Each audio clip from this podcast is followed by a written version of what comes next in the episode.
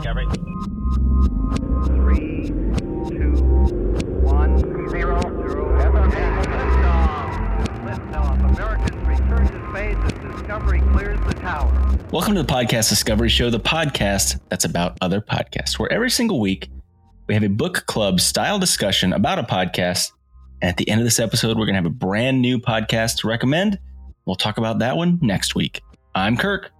I'm Zach, And I'm Matt. And this week we are talking about a show by Fil Corbitt called The Wind, where he had a show that got pretty popular called Van Sounds, where he would kind of just explore around and really make an atmospheric show that you can tell immediately when you start listening to his shows he loves sound. He loves making like a essentially he uses the sound of his podcast as kind of like an artistic piece and it's really cool. But his newest show is called The Wind and he has set up a it essentially looks like two logs in the middle of a forest and that's where he records this. And he has a bunch of interviews on there. The episode we're talking about is called frontier music. That's all about the sounds of westerns and how that kind of interacts with the mythology of the frontier and the west. Okay, so before you go too deep, when you rec- recommended this show and also when you described the show, I was a little bit worried this guy because I I remember Van Sounds. I liked Van Sounds, but there was a lot of like, this is the noise, this is the sound of hitchhiking and all this other stuff, and I was like, oh man, is it going to be like super artsy to the point where it's like, you hear that log, you can there's 38 rings in that log. It's 38 years old. This is like, and he's just going to get too artsy about it. And then it's just going to be like, okay, it's not even talking about anything anymore. He's talking about what the inside of this log sounds like. but no, this show was awesome. Mhm. it was not what I was worried about. Yeah, no, I was curious what you guys would think because he is he definitely thinks differently. Uh, he he does a lot of different projects. He uh, he works on a lot of music. He plays a lot of random instruments. He will do editing for people. He also has put together things called GPS audio walking tours, where you can download. So if you are in Reno or Lake Tahoe, you can download a GPS audio walking tour you get an app on your phone and then when you walk around his voice will talk to you at certain specific points so it's like having gps podcast mixture Hmm. that will kind of like tour you or like take you and like tell you interesting things about where you specifically are at that moment so in general i think that he just thinks a little bit differently and so yeah it definitely is like sometimes it's very artistic and he's really digging into stuff but this one i honestly recommended because I like Western movies. I fully understand, and we'll talk about more, the problematic nature of their very origin, you know, kind of when they were coming out, problematic. And like the, and we talked about this a little bit before, the bad guys in every Western movie, pretty much, give or take, there's some that aren't. The Hmm. bad guys, for the most part, are Native Americans. Like they're the people who were here first, and they end up being like the bad guys. And so there's I understand that. But some of these movies, it just the mythology of it is so good. And like you had really, really highly respected directors working on them. And you had these larger than life characters like Clint Eastwood and John Wayne that were just kind of, I don't know. It's just such this moment in time that that's what got me started on is because you would, I would just see him on TV. And so I'd watch these Westerns. But yeah, it kind of starts out talking about a lot of these types of premises, like them essentially finding a signature sound for westerns. And the signature sound was designed by what was it? A Russian, somebody from the Netherlands, and uh, basically a bunch of non-Americans. Yeah. Yeah. And and so they kind of that's kind of where they start is like these things have a sound. And it definitely was one of the main things that I loved about westerns was those soundtracks. You know, especially the um like the spaghetti westerns. I'm trying to remember what his name is, the director. Uh, Not Morricone, right? Yes, Leone. Sergio Leone. Yeah, Yeah. and so they're they're so good and you get Clint Eastwood just he barely talks in any of the movies. You get that whole kind of like rugged stranger thing and then you have those uh Ennio Morricone uh scores that are just amazing. Like yeah, exactly, just iconic. And so Yeah. the- They talk about that too. Like the because I was thinking like, what is a western? Like, what does it even sound like? I was trying to think in my head.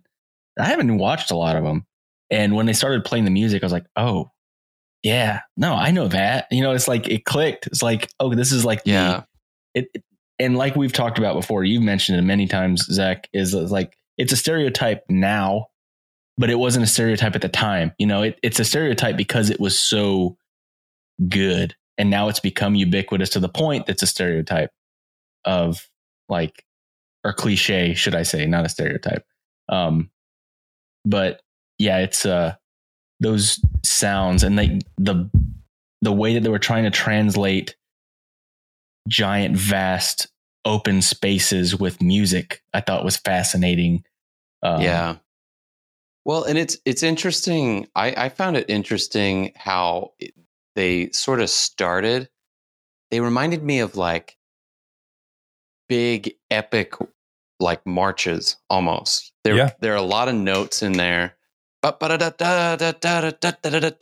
you know, like that kind of stuff, rather than like a big open airy thing that then I think they became when he talked about like there will be blood and all these different ones that really mm-hmm. got the essence of like space. These guys were like filling the space with epic sounds. And they, mm-hmm. they honestly, um, John Williams' score in Indiana Jones is very similar to me. Da da da da.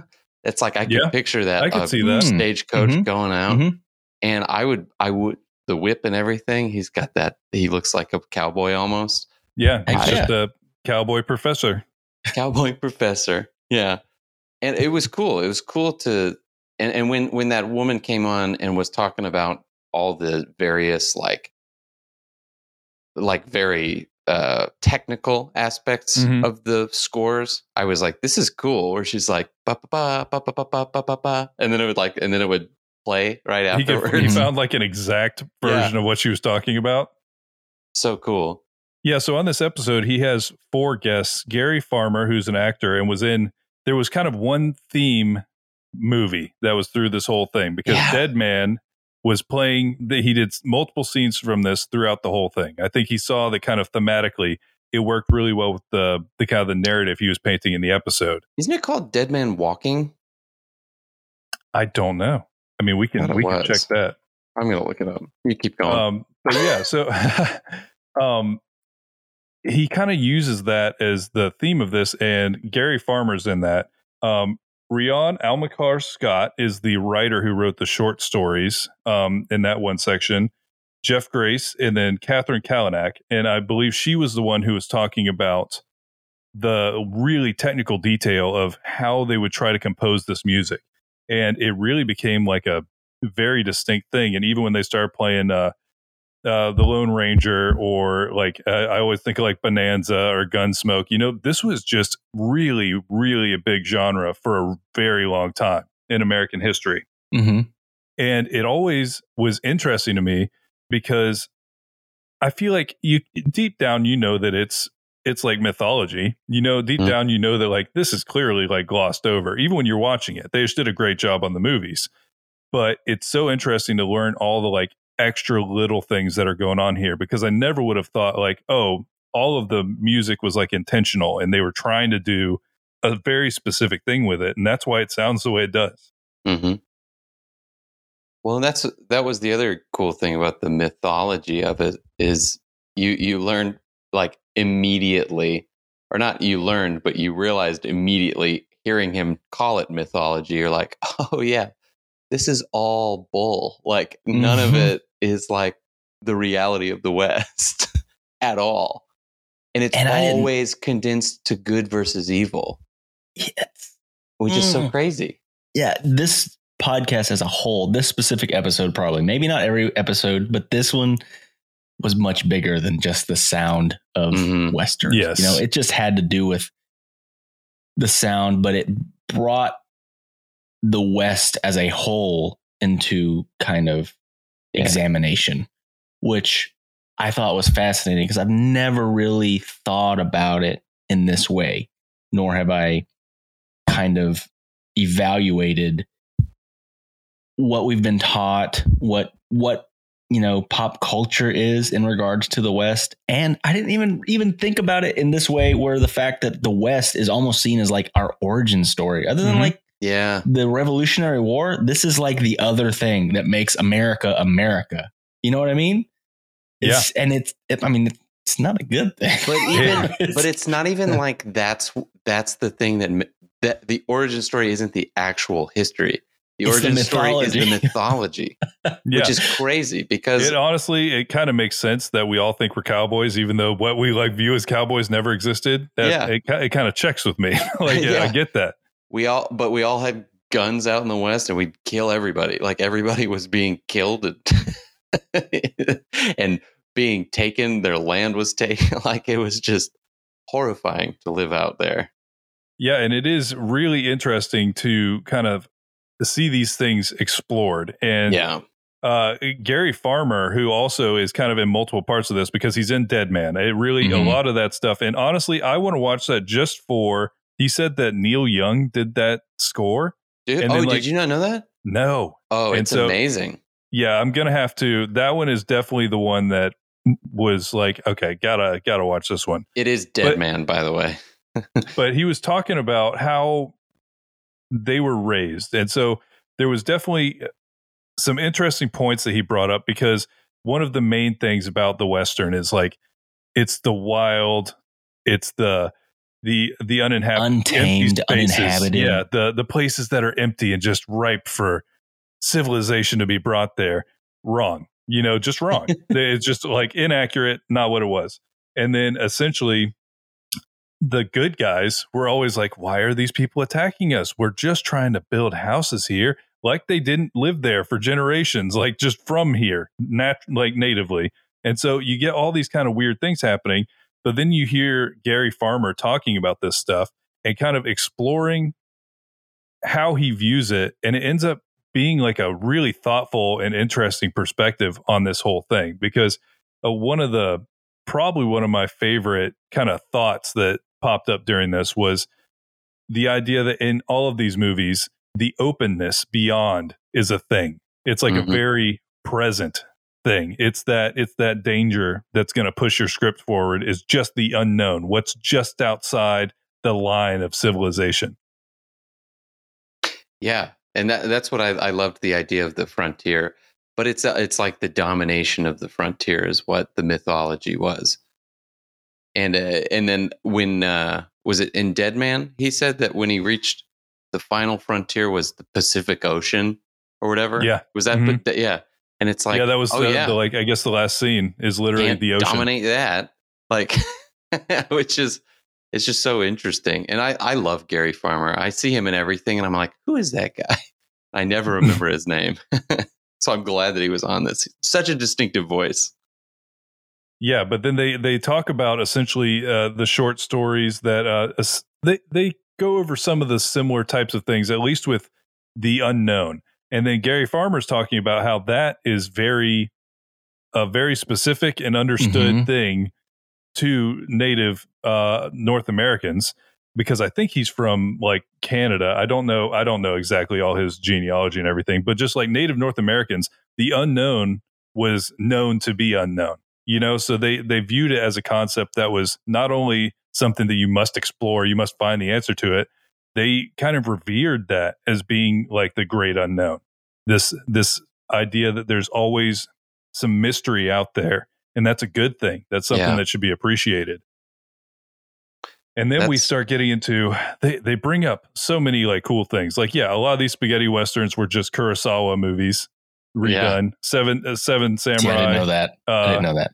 Magnificent yeah. Seven. Yeah, and what You was know, it? Uh, Fistful of Dollars was yeah, uh, Yojimbo. Yojimbo. But yeah, I honestly prefer, even though I do think The Magnificent Seven is a pretty good movie, Seven Samurai is a masterpiece in like film in general and probably always will be. And I don't know that I would put Magnificent Seven there. I think it's a good Western, but like, I mean, it- what about the Chris Pratt one?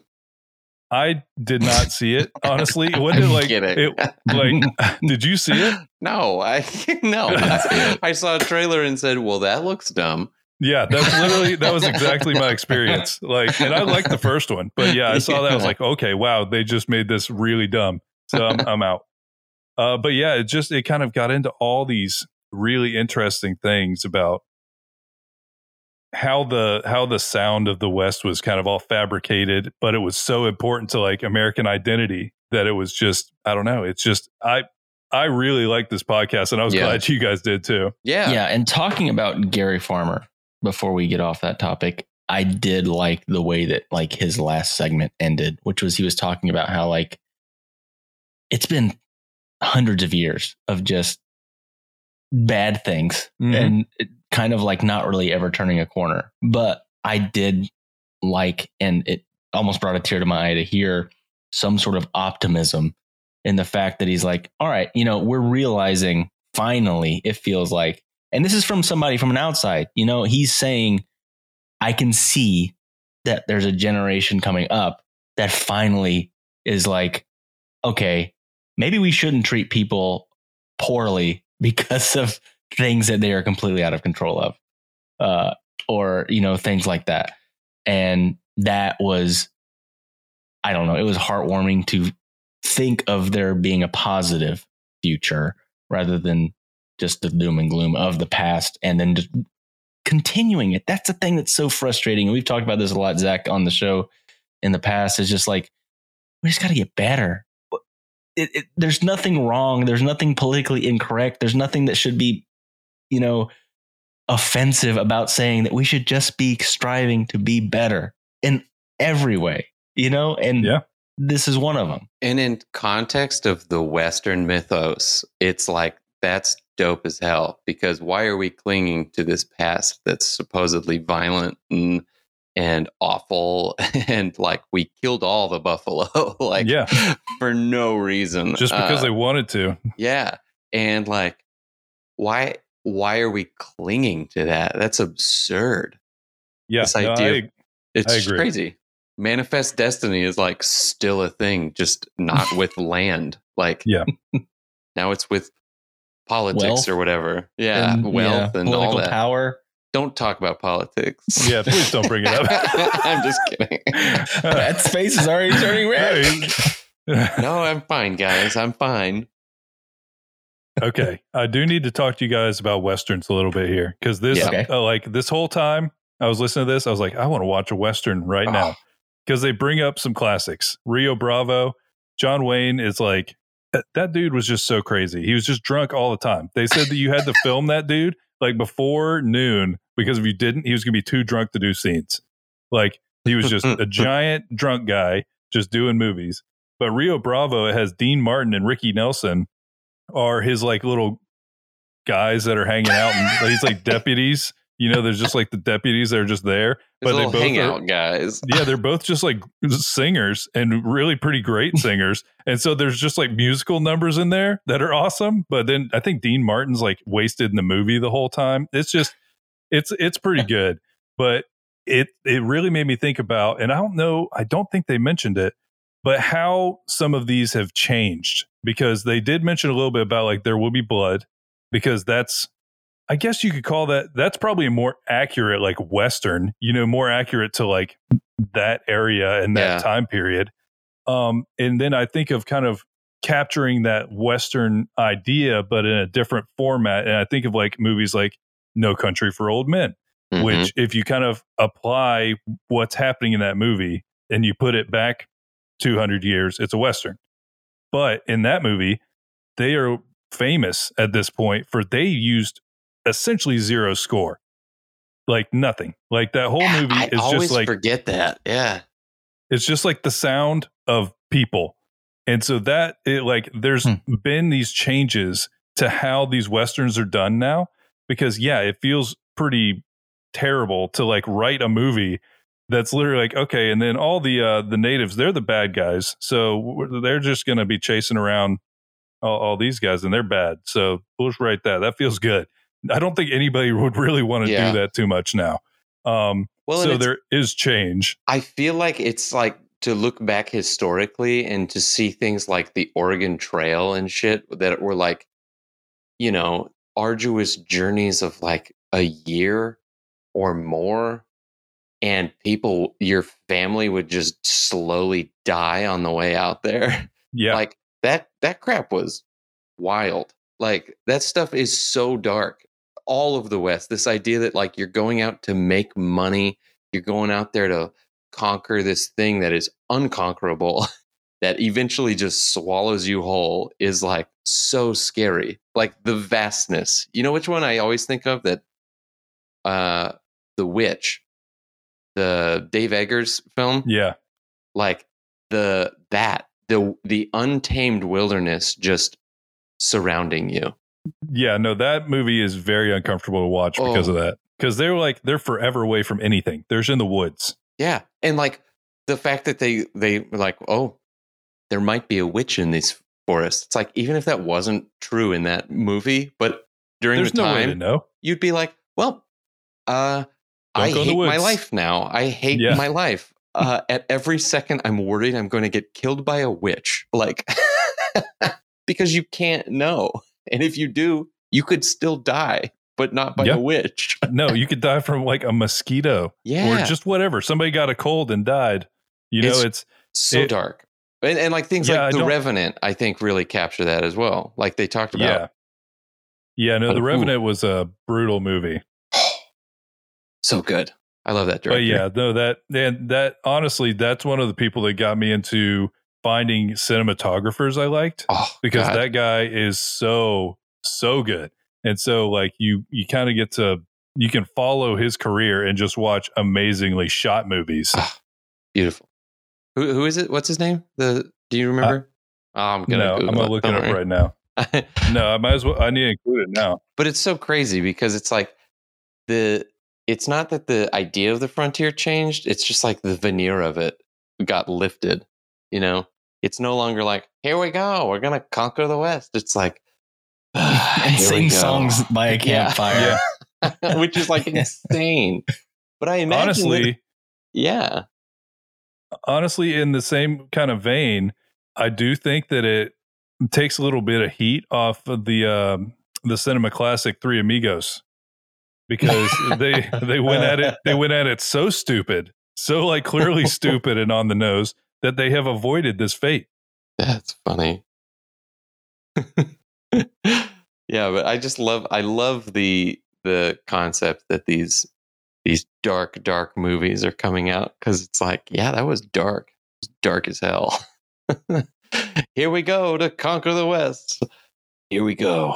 Gotta fucking okay conquer the west. i'm going to throw this name in here now the cinematographer for the revenant is emmanuel lubezki Yes. and he has done great stuff children of men Birdman. Gravity, Birdman, like just re- like you can just go watch stuff he does. They look amazing. He's Beautiful. very very incredible at what he does. So Um, yeah, I think. Go ahead, Matt. I was just gonna say we gotta we gotta get together and watch watch one of these movies. One hundred percent. That like I seriously the whole time I was like I want to watch a movie now. And No, that was a good recommendation, and I did enjoy it. And I did like how he ended, and he you, he did end with like the thing that I was worried the whole podcast was going to be about, which is like it, it almost sounded like a campfire, but it was literally like the snow hitting the ground. Right? That's what he said at least. Yeah. Yep. It was like he's in the woods, and it was the snow hitting the the sagebrush or something. I don't know, but it was very artsy. I did I did like and I did like the way. how he couched those after like long segments of speaking. It would be like scene, and then he'd describe the scene of the movie, and then you'd hear the movie, and he'd be like, and now uh, Depp is speaking with Farmer, and then it's like he just played it, which is really cool. He's also very good at formatting and basically storyboarding this Oh, show. Oh, God. Like, it was so good. Even at the end, it, he was like, he did like where he was at, and then he's like, scene. You know, like it was just perfect. It went perfect. It felt like complete. It was like a perfect bow on the end of this beautiful gift that was one this hundred episode. percent, one hundred percent agree. So that brings us to this week's recommendation. And me and Zach were watching the Lightning game over the weekend, and we between periods we were watching uh, some YouTube. And one of our favorite things to watch is um, Good Mythical Morning because it's just it's so funny. And Rhett and Link are great. They have this amazing buddy chemistry, and it's they're so good. and they also have their podcast we've talked about before, Ear Biscuits, where it's just them talking about life experiences and things like that.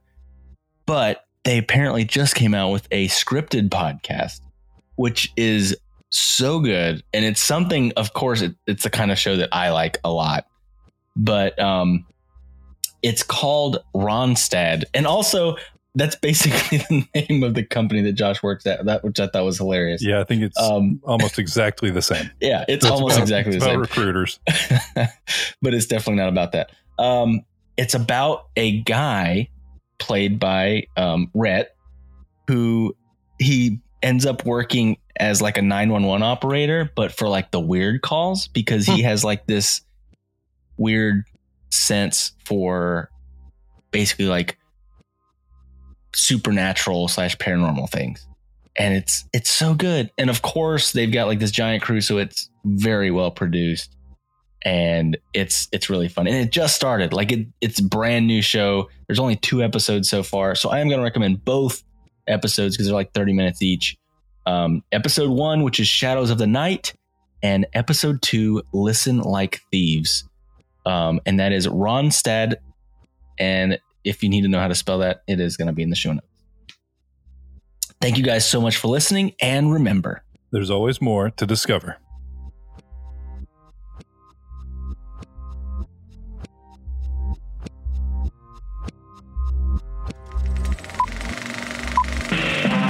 This was a podcast from the Podfix Network. Shows like it at podfixnetwork.com.